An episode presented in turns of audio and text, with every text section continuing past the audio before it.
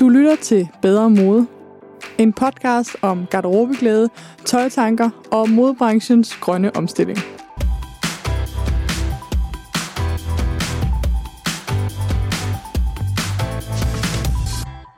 Elsket tøj er bæredygtigt tøj. Og vores håb er, at du får garderobeglæde. Stoltheden og fornøjelsen ved et godt stykke tøj, en fin skjorte eller nu pudsede sko er grundlæggende, og den er alle for ondt. Sådan starter foråret på Klæder bedre, og øhm, det er altså den bog, det i dag skal handle om. Du får lige lidt mere. Bæredygtighed er en svær størrelse. Ofte handler snakken om tal, fibre, teknologi og dommedagsprofetier. Eller også er bæredygtighed en vision om genanvendelse og cirkularitet, som slet ikke tager højde for, hvordan almindelige mennesker bruger deres tøj. Vi ignorerer ikke de alvorlige perspektiver på vores nuværende tøjkultur, for vi synes, den er usund. Men vi tror ikke på, at vi skaber et bedre miljø alene gennem information om CO2-udslip og løftede pegefinger. Den nuværende modebranche har aflært os at erhvervsætte det tøj, vi har og bruger. Og det er rigtig skidt, for bæredygtighed handler om at gøre tøjet mere værd og bruge det længere og mere. Det mest afgørende for, hvor bæredygtigt et stykke tøj er, er hvor længe du beholder det og passer på det, og hvor meget du bruger det. Hvordan er vi nået til en situation, hvor mange ikke elsker deres tøj i en grad, så de stiller krav til det? Måske fordi tøj og mode stadig i nogen kredse ses som overfladisk og dumt. Det er ikke fint at gå op i mode. Den tankegang gør vi op med. Tøj og mode er vigtigt for, at vi kan forstå os selv i verden. Tøj er et sprog, og vi taler alle det sprog til og med hinanden, og vi forstår os selv med det sprog. Tøj er det første, vi viser omverdenen, endda før vi åbner munden. At interessere os for, hvordan vi ser ud, er et af de mest fundamentale menneskelige træk. Det må vi aldrig undertrykke. End ikke i klimaets tjeneste.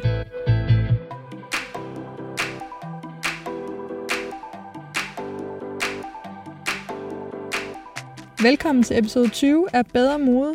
Og øhm, i dag vil jeg gøre noget lidt anderledes. I stedet for at skynde mig videre til næste kapitel og næste vidensområde, så tillader jeg mig lige at stoppe op og kigge lidt tilbage. Og kigge lidt på den bog, som den her podcast jo er research til. Jeg vil følge op på nogle emner, og så vil jeg fortælle lidt om, hvilke tanker, som arbejdet med podcasten og bogen har sat i gang for mig. Så hvis du bare vil have viden, tips og tricks om tøj, så spring dagens episode over og hop videre til den episode, du mangler at høre fra de foregående 19 episoder. De er nemlig spækket med tips, tricks og kloge tøjtanker. Men hvis du vil med til et meta-afsnit, hvor jeg og Else åbner op for, hvorfor vi har skrevet den her bog, og hvorfor vi er klar til at tage den her debat, jamen øh, så skal du lytte med i dag. I den her episode skal du nemlig med til bogreception, hvor Nils Fest Pedersen lavede et lille interview af os, og hvor vi faktisk får sagt nogle, hvis jeg selv skal sige det, ret kloge ord om, hvad den her bog skal gøre af forskel for læserne og for samfundet. Så vi ikke gjort at stå, jo. så man kan se jer. Kom. Jo, og du, du er næsten så høj, så Ja, du... Øh, du er. Så man... Yes. Så, velkommen til bogreception. Den foregår hos øh, butikken Soulagement i Lille Kirkestræde i Indre København. Det var en varm eftermiddag i august. Gaden var proppet med dejlige mennesker, som selvfølgelig stod i behørig corona-afstand. Vi havde hvidvin i glasset, det var midt i en modeuge, og Elsa og jeg stod klar med store smil og rap replikker. Jamen, øh, velkommen til, kan jeg så også sige. Øh, jeg har fået fornøjelsen af at skulle øh, at tale med Elsa og Johan om deres bog. Hvis I ikke har set den, så ser den sådan her ud. Den er meget fin, og så har den jo også nogle meget flotte tegninger af Ida. Når vi er her i dag, så er det selvfølgelig fordi, at bogen er udkommet. Men også fordi, at der herinde findes øh, rigtig meget tøj. Der findes rigtig meget tøj rundt omkring i hele verden. Der er modeuge i øjeblikket. Rester af en modeuge. Øh, corona-ramt modeuge. Men dog stadigvæk er der kommet endnu mere tøj, øh, siden den her bog blev skrevet. Og mens vi taler lige nu, bliver der lavet mere tøj rundt omkring i verden. Der findes meget tøj. Der findes faktisk også rigtig mange bøger om tøj. Så jeg havde egentlig tænkt mig at stille vores spørgsmål til at starte med, nemlig, altså hvorfor bringe endnu en bog om tøj ind i verden? Er der ikke bøger om tøj nok? Else?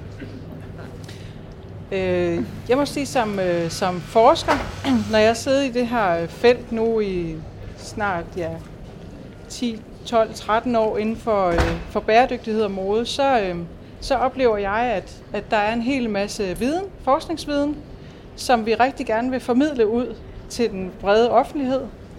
Men for det meste, så, øh, så er det jo noget viden, vi cirkulerer mellem hinanden. Og samtidig så kan jeg se, at øh, der er rigtig mange, der henvender sig til mig og spørger, hvad skal jeg gøre? Altså, hvad kan jeg gøre som øh, privatperson? Og tit siger de det her med, hvor kan jeg købe noget bæredygtigt mode? Og tit så siger jeg det her med, at det er faktisk rigtig, rigtig svært at finde, fordi det er meget svært at lave et stykke bæredygtigt tøj.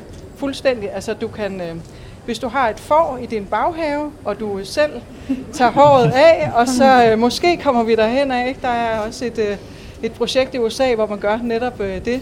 Men bortset fra det, så handler det mere om, hvor meget tøj er det egentlig, du har derhjemme. Og så siger de typisk, uha, hmm det, øh, det, har jeg ikke, det tør jeg ikke gå hjem og kigge på. Og derfor hedder første kapitel selvfølgelig Se dit tøj i øjnene. Fordi vi lidt har glemt at øh, værdsætte tøj. Og det er egentlig jo hovedbudskabet i bæredygtighed. Det er jo balance. Ha' det godt. Mm. Sørg for, at vi øh, er på den her planet, og den bliver ved med at være her. Og balance på en masse områder. Og vi tror ikke, mig og Johanne, at man kan øh, udvikle en bæredygtig branche gennem skam og pegefinger og pisk. Vi tror på glæde. Ja, vi tror på glæde. Og hvor føler jeg også, at vi har fået jer med på den mission, det er at sprede garderobeglæde. Og vi tror netop, at den glæde, den udspringer fra, at vi ser vores tøj i øjnene. Og derfor er første kapitel i vores bog, og også noget af det første her i podcasten, netop garderobeanalysen. Episode 4-6 i den her podcast handler netop om Elses metode til at analysere din garderobe. Det er en forskningsbaseret metode til at se dit tøj i øjnene, og øh, den adskiller sig rimelig meget fra andre metoder, der mest handler om at rydde ud i garderoben. Den her episode den handler om at lære dig selv og dit forhold til tøj meget bedre at kende. Det er en slags garderobeterapi. Når det er så sagt, så havde jeg også behov for at slå én ting fast, når det kommer til bøger om tøj. For er der egentlig så mange bøger om tøj, sammenlignet med andre genrer? Og så vil jeg bare spørge jer, hvor mange bøger om mad findes der? der er to ting, vi gør hver eneste dag. Vi spiser noget, og vi klæder os på. Så øh, indtil der findes lige så mange bøger om tøj, som der findes bøger om mad, så er vi øh, i hvert fald ikke ligestillede. Præcis. Øh, jeg har skrevet bog med hende. den ene skriver meget langt, den den anden skærer igennem. Den, den verden, I kigger ind i, hvis vi kalder den bredt, det bruger vi ordet modeverden. Det er jo det er sådan en bred betegnelse, som dækker over rigtig mange forskellige ting. Den er stor, og den er kompleks. Men så vil jeg gerne lige gribe fat i det, du siger med det der med, hvad kan jeg selv gøre? Ikke? Fordi, men hvor starter man så hen? Jeg er den her enkeltstående person, der gerne vil gøre et eller andet for kloden, øh, med udgangspunkt i mit tøj. Hvor kan jeg så, hvor ser I muligheden for, at jeg kan gøre en forskel? Puh, hvor skal vi starte? Jamen, øh, øhm, jamen, du kan jo gøre en forskel i aften, når du tager dit tøj af. Og så har jeg et lille tip, der hedder lugt til det. Fordi at øh, en af de ting, vi også, altså man kan jo gøre tusind ting, men, men det kan starte så lidt som, at vi, vi overvasker simpelthen. Der er ingen af os, der rigtig har jobs, hvor vi bliver beskidte, og øh, faktisk så de fleste bakterier på en sund menneskekrop er ikke usund at have. Så øh, ved at vi sætter mængden af vasketøj, vi øh, har ned, så kan vi gøre rigtig, rigtig meget for at sætte vores miljøpåvirkning ned helt konkret i, at vi sparer strøm, og vi sparer vand, og vi sparer fnullermænd, som ryger af tøjet i vaskemaskinen, så det holder længere. Så øh, hvis vi alle sammen lige bliver gode til at lugte til vores tøj om aftenen, det er en lille bitte ting. Og så derefter, så kan du jo gå i gang med Elses garderobeanalyse. Hmm. Og man kan sige, at garderobeanalysen handler jo primært om at lære sig selv at kende. Og lige nu har vi en tøjfortælling, som handler om det modsatte. Nemlig, at du hele tiden skal jagte efter noget nyt, så du bliver på en eller anden måde ledt hele tiden væk fra dig selv. Øh, og det er jo ikke fordi, vi står stille som mennesker. Vi, hver gang vi udvikler os, så udvikler vores tøj os også. Øh, jeg ved ikke, hvad det så siger om mig. øh, men men så, så noget af vores øh, budskab er jo, at der er syv kapitler i bogen, og de fem første handler sådan set kun om at bruge tøj. Når du har lært, hvordan du sådan set bruger tøj, så kan du få lov til at købe noget, og der skal du stille nogle større krav. For vi stiller alt for få krav, når vi køber tøj. Noget af det, der er meget øh, magtpålæggende for os, det er, at vi har også en, øh, en fortælling i medierne og i offentligheden om, at tøj kun handler om at købe noget nyt. Og vi kunne godt tænke os en tøjkultur, hvor at det handler om at øh, bruge tøj.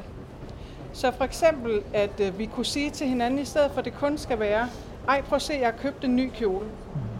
Så kan man sige, prøv lige at se den kjole, den havde du også på sidste uge. Ej, hvor har du stylet den på en ny og sjov måde den her gang. Og hvor er den flot til dig. Og vi foreslår jo også, man kan, øh, at kendiser kan have kjolejubilæer som det nye øh, Instagram statussymbol. Vi foreslår også, at man skal da ikke finde sig i tøj, der er lavet, så det ikke passer til ens krop. Man skal investere i det, man skal gå og bruge de her, ikke faktisk så mange penge, som man tror, gå til en skrædder og få det lavet, så skulderen lige passer, eller det ikke sidder og flagrer omkring ens krop, men så man føler sig rigtig pæn.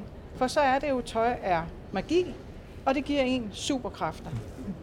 Og det vi kan se, øh, det er, at der er op mod 70 procent af vores garderober, vi aldrig bruger i gennemsnit.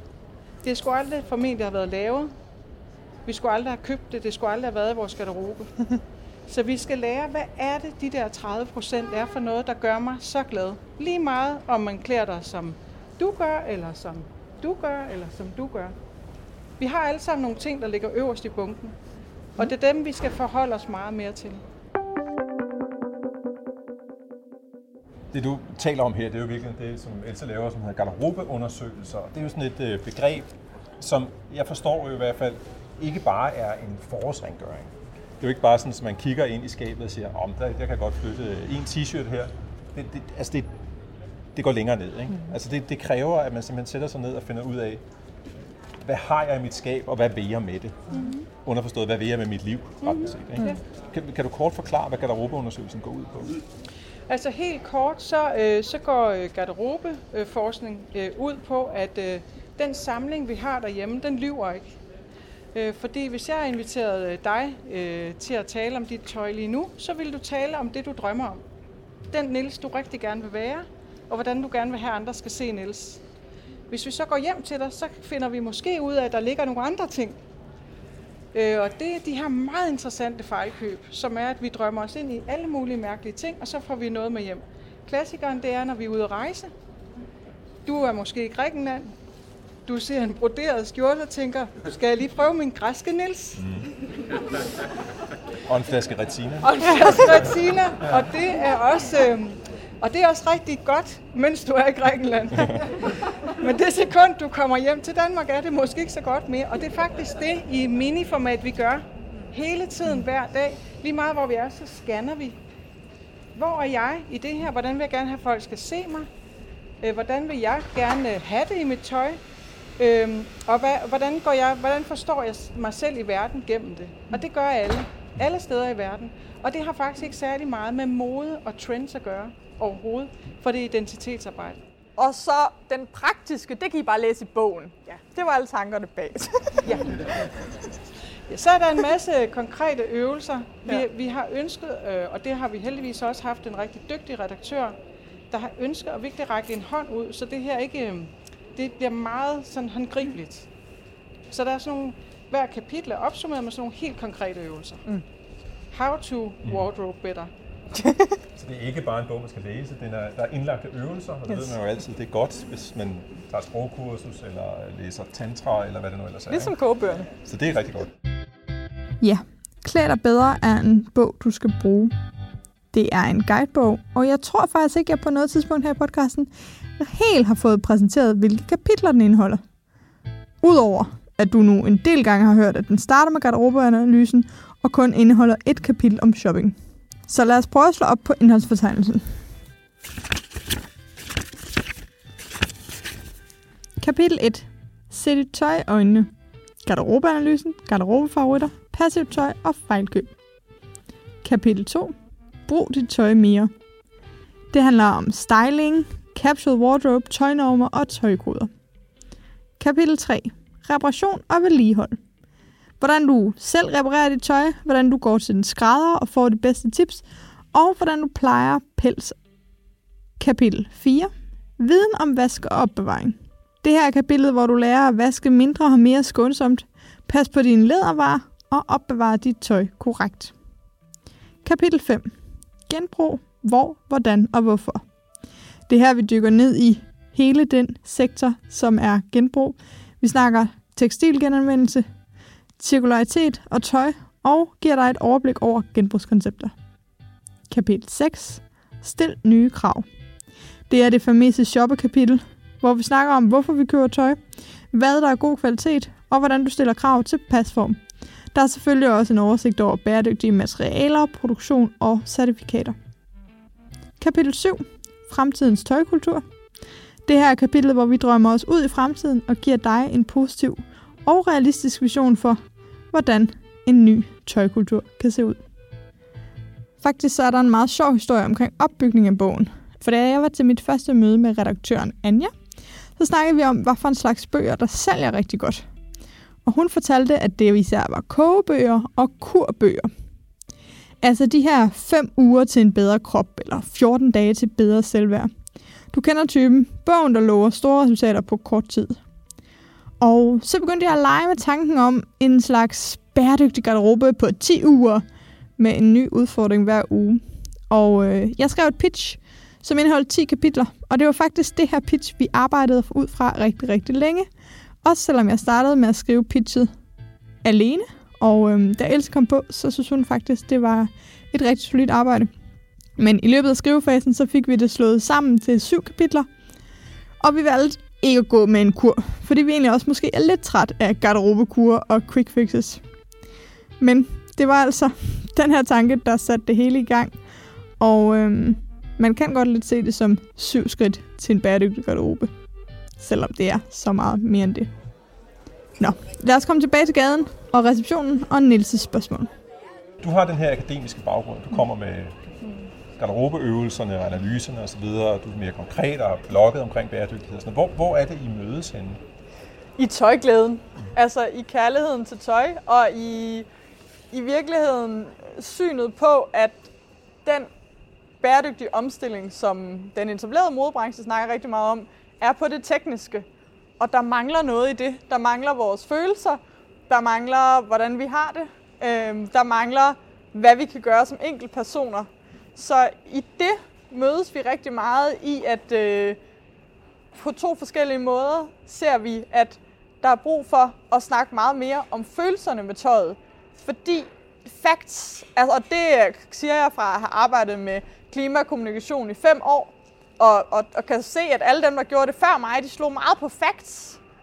Og, og hvis det havde virket, så havde vi haft en grøn omstilling for 30 år siden. Mm, så der mangler ligesom nogle følelser.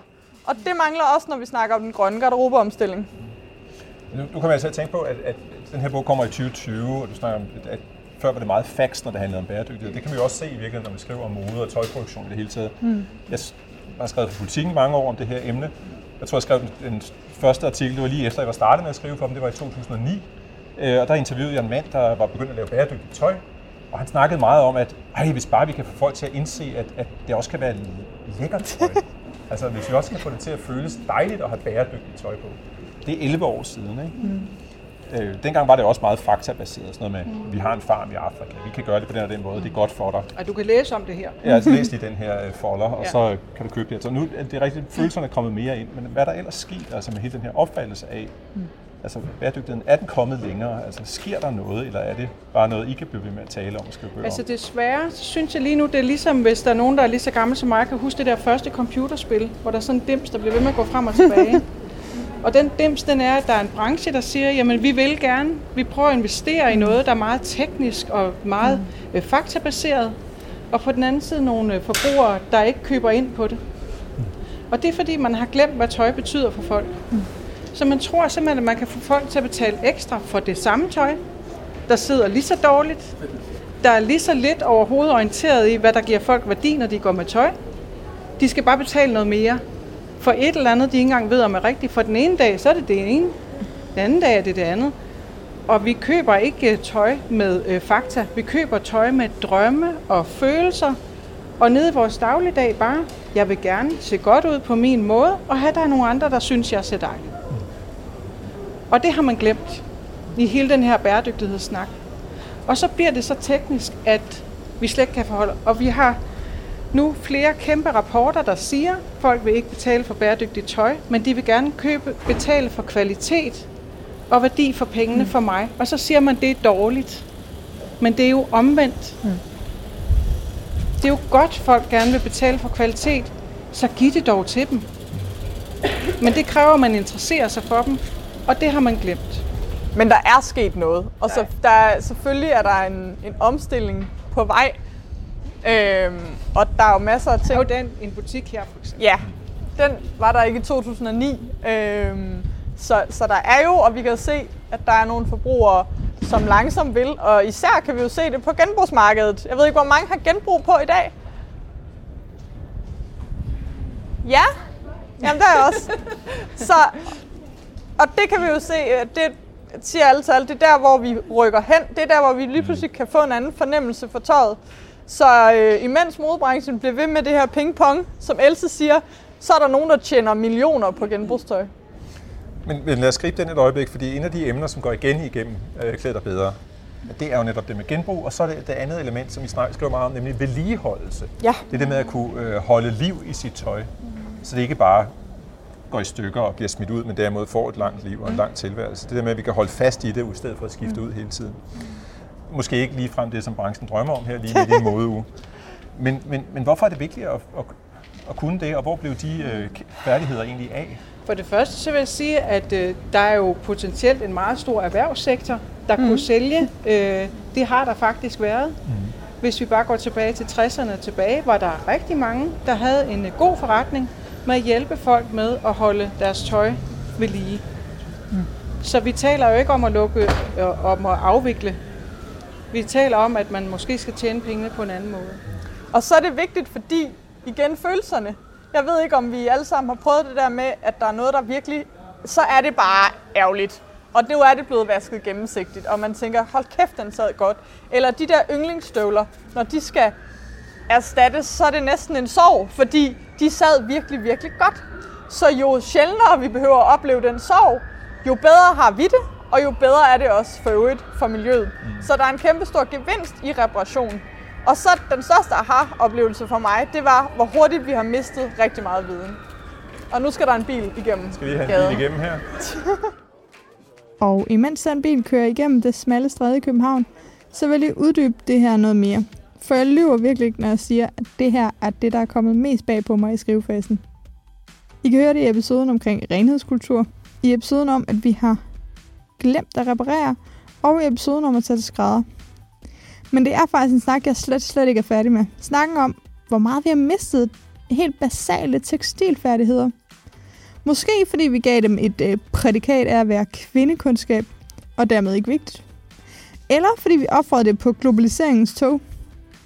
Jeg ved det ikke, men jeg drømmer om at arbejde meget mere med det, og kan mærke, at det virkelig er en passion. Måske endda et aktivistisk emne, som er vækket inde i mig. Der er en masse ting, I synes, der er galt, ikke? Jo. Hvad, Hvordan kommer vi videre? Altså, hvad er fremtiden, når I kigger frem? Vi skal tale mindre, vi skal mm. tale det øh, op med noget mere øh, altså positiv øh, snak, som der øh, kon- connecter meget mere direkte med folks hverdag. I stedet for at gøre det til noget meget teknisk og kompliceret, som det er, så er det ikke så svært. Der er noget, der hedder bæredygtighedsfaktor 4. Hvis vi reducerer nyproduktion med øh, 3 fjerdedele, så redder vi planeten. Så det er faktisk bare at komme i gang. Mm. Og det vil sige, hvis vi lige præcis holder os til de 30 procent, vi godt kan lide, og lade være med alt det andet, så har vi gjort alle en kæmpe chance. Hvis vi investerer i at holde det i brug så langt, så det kan lade sig gøre, så har vi flyttet branchens indtjening, så det også økonomisk hænger sammen.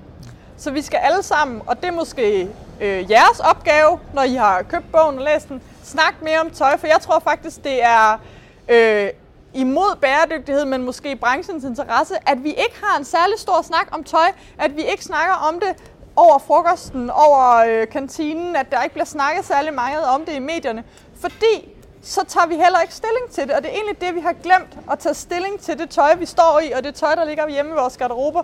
Så hvis vi alle sammen begynder at snakke mere om det, så begynder vi også at snakke om, hvad vi kan lide, hvad der er godt. Vi stiller tips til hinanden. Vi spørger, Hvordan fik du den plet af? Hvor gik du hen og fik de sko fikset? Hov, hvor mange gange har du brugt den der kjole? Det er da godt nok spændende, jeg ikke har lagt mærke til, at du bruger den på syv forskellige måder. Så vi skal snakke meget mere om det her emne, især tilbage til det der med kogebøgerne. Hvor mange gange snakker vi om mad, når vi sidder og spiser mad? Øhm, så, så det der med at snakke om det, tror jeg på, at hvis vi kan gøre det, og der bliver vi nødt til at starte, starte med glæde, fordi da jeg ligesom som modeblogger startede, med, og mine venner lærte, at jeg gik op i bæredygtigt tøj, så kom de hen og sagde, undskyld Johanne, øh, det er ikke bæredygtigt, det jeg har på. Og så måtte jeg starte med at sige, ho, ho, ho, ho, det bedste du kan gøre over for mig, det er at elske dit tøj. Så vi bliver nødt til at starte der med at sige, hvor er du fantastisk. Flere komplimenter, mere tøjglæde til folket, og så tror jeg også, endnu flere har lyst til at deltage i den her samtale om tøjet. Det lyder meget rigtigt. øh, men nu har jeg så et spørgsmål, som udspringer af bogen. Jeg har jo læst den. Og Så det er jo, det. at, øh, at den virker, som om den udelukkende er rettet til kvinder. Ja. Den handler om graviditet. Den handler om kjoler. Ikke at mænd ikke i kjoler. Mm. Øh, der er også en mand, der har været gravid. Men det, det er meget rettet mod kvinder. Og så tænker jeg, de der sidste 50 procent af tøjforbrugerne, der går rundt derude, skal de ikke være med? Vi ikke have lov til at vide noget om alt det her? Jeg tror faktisk, at øh, jeg vil sige, det er, en, det er en bog til kvinder, man kan lige så vel læse som mænd. Mm. Men det er primært, øh, den tøjkultur, den er gal med, er primært rettet mod kvinder og handler primært om kvinder. Øh, det er den tøjkultur, vi har nu, den kommer jo fra, øh, primært fra Paris. Det var et kæmpestort markedsføringsstunt. Og det handler om en bestemt slags. Hun er ung, hun er millionær, hun har perfekte mål. Jeg ved ikke, hvor mange I kender af hende. Og det er faktisk primært hende, man laver øh, tøj til, øh, og, som, øh, og som det hele handler om.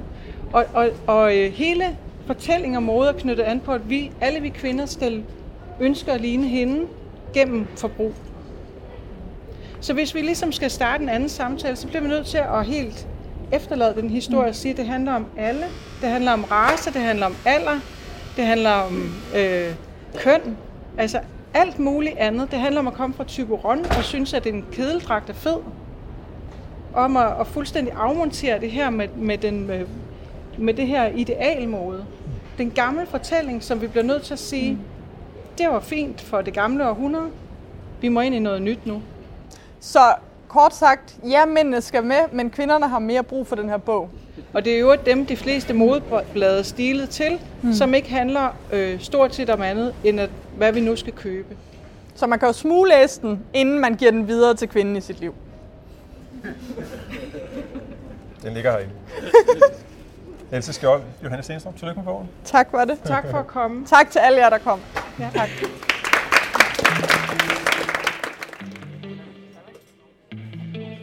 Så ja, bogen er ude i alle boghandlere. Den kan også bestilles hjem til dit lokale bibliotek. Du skal bare spørge dem. Og så skal der lyde et kæmpe tak, også til dig, der lytter med her i podcasten. Tak fordi du vil bruge næsten en time sammen med mig hver uge. Tak til jer, der deler og skriver anmeldelser. Anmeldelser gør åbenbart ingenting for algoritmen, men de gør utrolig meget for mit ego. Så tusind, tusind tak.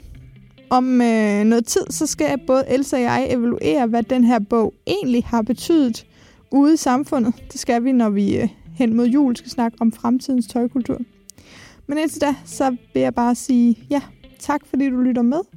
Og øh, vi lyttes ved i næste uge, hvor vi tager fat i et nyt kapitel, nemlig genbrugskapitlet.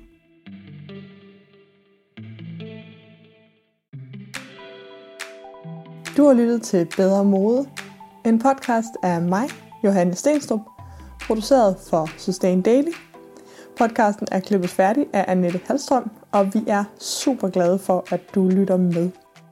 Inde på siden bedremode.nu kan du finde show notes, altså en lille beskrivelse af hver episode, samt de relevante links, der nu skulle være. Og jeg bliver også sindssygt glad, hvis du har lyst til at komme med feedback. Det kan du enten gøre inde på siden, hvor der er et kommentarspor. Du kan gøre det i din podcast-app ved at lægge en anmeldelse. Eller du kan gøre det på Instagram, hvor jeg også er under navnet Bedre Mode. Jeg vil sindssygt gerne høre, hvad for nogle tanker den her podcast har sat i gang for dig. Og hvis du har forslag til gæster, ting, vi skal tage op, eller bare spørgsmål i det hele taget. Tusind tak, fordi du lytter med, og så ses vi, eller lyttes vi ved, i næste uge.